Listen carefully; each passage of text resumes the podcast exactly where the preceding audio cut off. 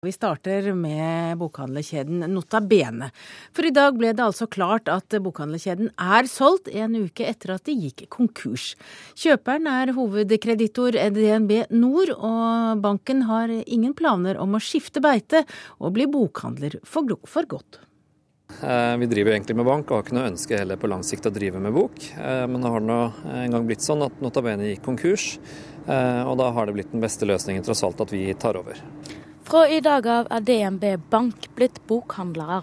Etter notabene-konkursen forrige onsdag har banken stått for drifta av de 139 butikkene i kjeden. Og fra i dag er de nye eiere av 110 av dem. Men det er ikke en langsiktig plan, sier kommunikasjonsdirektør i DNB, Thomas Midteide. Eh, og litt lenger ned i veien så er det klart at vi ønsker en annen eier til å ta over Notabene på, på lang sikt. Banken er den største kreditoren til konkursbuen Notabene, og håper eierskapen kan bli et plaster på såret for lang tid med negative tall. Vi har stått last og brast med Notabene i 30 år, men de siste par årene så har de hatt en veldig vanskelig situasjon. Eh, og vi har også måttet avskrive ganske store millionbeløp, eh, dessverre. Håpet vårt er å få igjen eh, mye av de pengene som, som selskapet da har i gjeld til oss.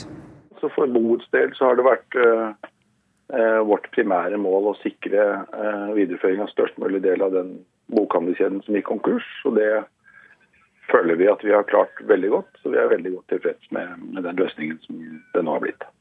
Sier bustyrer for Notabene Håvard Viker, men salet betyr òg at resten av pengene de skylder, mellom annet om lag 50 millioner kroner hos forskjellige forlag, ikke vil bli tilbakebetalt. I tillegg vil 29 butikker trolig bli lagd ned innen kort tid, og DNB vil legge om drifta. Ja, nå skal vi innsette et nytt styre og en ny administrasjon. Eh, og Jobben deres blir å få Notabene til å bli en positiv og god butikk eh, økonomisk sett. Så toppen vil bli ny? Det kan godt hende. Det ser vi på nå, da. Eh, men som sagt, vi har nettopp tatt over, så det er ikke klart ennå hvem som kommer til å lede dette videre. Men det er litt tidlig å si akkurat hvordan dette kommer til å bli sånn driftsmessig framover. Ja, og det sa til sist Thomas Midteide i DNB Bank. Reporter her var Maria Pile Svåsand. Og kulturkommentator Ragnes Moxnes, vi hørte altså Midteide var svært optimist. Han skulle bare bytte ut styret og legge noen, noen butikker, så ville dette ordne seg. Hva er det som egentlig skjer når Notabene Nota Bene nå er overtatt av DNB Nord? Det Først og fremst så betyr jo dette her at ingen har lyst til å kjøpe Nota Bene. Det har ikke vært noen hemmelighet i det hele tatt at de har vært til salgs, at de har vært interessert i å finne kjøpere. Eh, Nordli Libris ønsker ikke å kjøpe dem, Ark ønsker ikke å kjøpe dem, Tanum ønsker ikke å, å, kjøpe dem. Så det DNB Nord gjør, da, det er at de går inn for å prøve å redde noen av de millionene som de har putta inn i i Nota Bene. Så han prøver liksom da å redde stumpene. Så det er jo det vi er vitne til akkurat nå. Men de sier jo at de ikke ønsker å drive bokhandel på sikt, så hva vil skje videre? De har lært litt av en butikkjede som heter Kid Interiør, du, hvor du kanskje har kjøpt noen, eh, noen, sengetøy og litt gardiner eh, og sånt nå.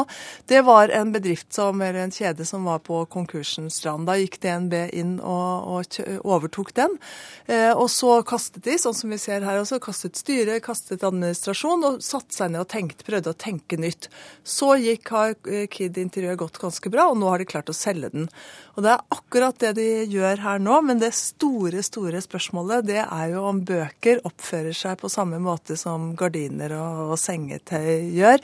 Og det er vel mye som tyder på at uh, bøker ikke gjør det. At vi kjøper flere gardiner enn vi kjøper bøker, i hvert fall i bokhandel? Ja, vi kan jo f.eks. etter hvert begynne å kjøpe digitale bøker i mye større mengder enn det vi har gjort nå. Det er jo en av utfordringene for bokhandlene. Eller kjøpe bøker på nett, eller kjøpe bøker i dagligvarebutikken. Men, men hvorfor gikk det så galt med Notabene? Eh, det Nota Bene gjorde, som egentlig hele bokhandlerbransjen gjorde sånn 2005-2006, akkurat da de gylne bokklubbtidene var over, det var at det ble investert voldsomt i norske bokhandlere. Da kom eh, de store forlagene inn og skaffet seg hver sin eh, kjede, omtrent på den tiden der.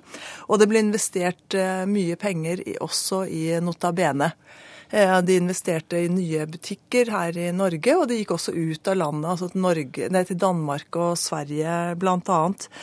Men Samtidig så møtte jo da en voldsom konkurranse som de ikke hadde forventet at de skulle få. Og de møtte en veldig profesjonell konkurranse. Og jeg tror at det som på en måte kanskje har veltet Nota Bene, det er at de egentlig aldri har funnet seg selv, om de skal være en bokhandel eller om de skal være en gave- og papirhandel. Eh, og det kan nok være at i den konkurransesituasjonen som har vært nå, så har det krevdes en voldsomt høy grad av profesjonalitet, og den har de nok eh, manglet, rett og slett, på boksiden. Hvordan kan det som nå skjer med Nota Bene påvirke det norske bokmarkedet? Ja, Vi hørte jo her at, eh, at eh, Nota Bene skylder norske forlag sånn ca. 50 millioner kroner. Det er jo en kynisk sak dette her med å ta altså Når man liksom begjærer seg selv konkurs. Notabene Nota Bene gjorde det altså da rett etter julesalget. og vil Si at det har vært maksimal omsetning av bøker som da forlagene ikke har fått et oppgjør for. Og det kan jo bety det får vi vel vite i løpet av februar, at om altså at enkelte småforlag kan gå dukken pga. dette her. Og så er det jo sånn at når det blir nå i første omgang 29 bokhandlere som forsvinner fysisk fra det norske markedet, så betyr det at eh, erfaringsmessig at, det, at omsetningen av bøker i Norge går ned. Så det denne konkursen med all tydelighet viser, det er at det er ikke bare bokhandlerbransjen som er en sårbar bransje for, i Norge for tiden, men hele bokbransjen. Takk til deg, kulturkommentator Agnes Moxnes.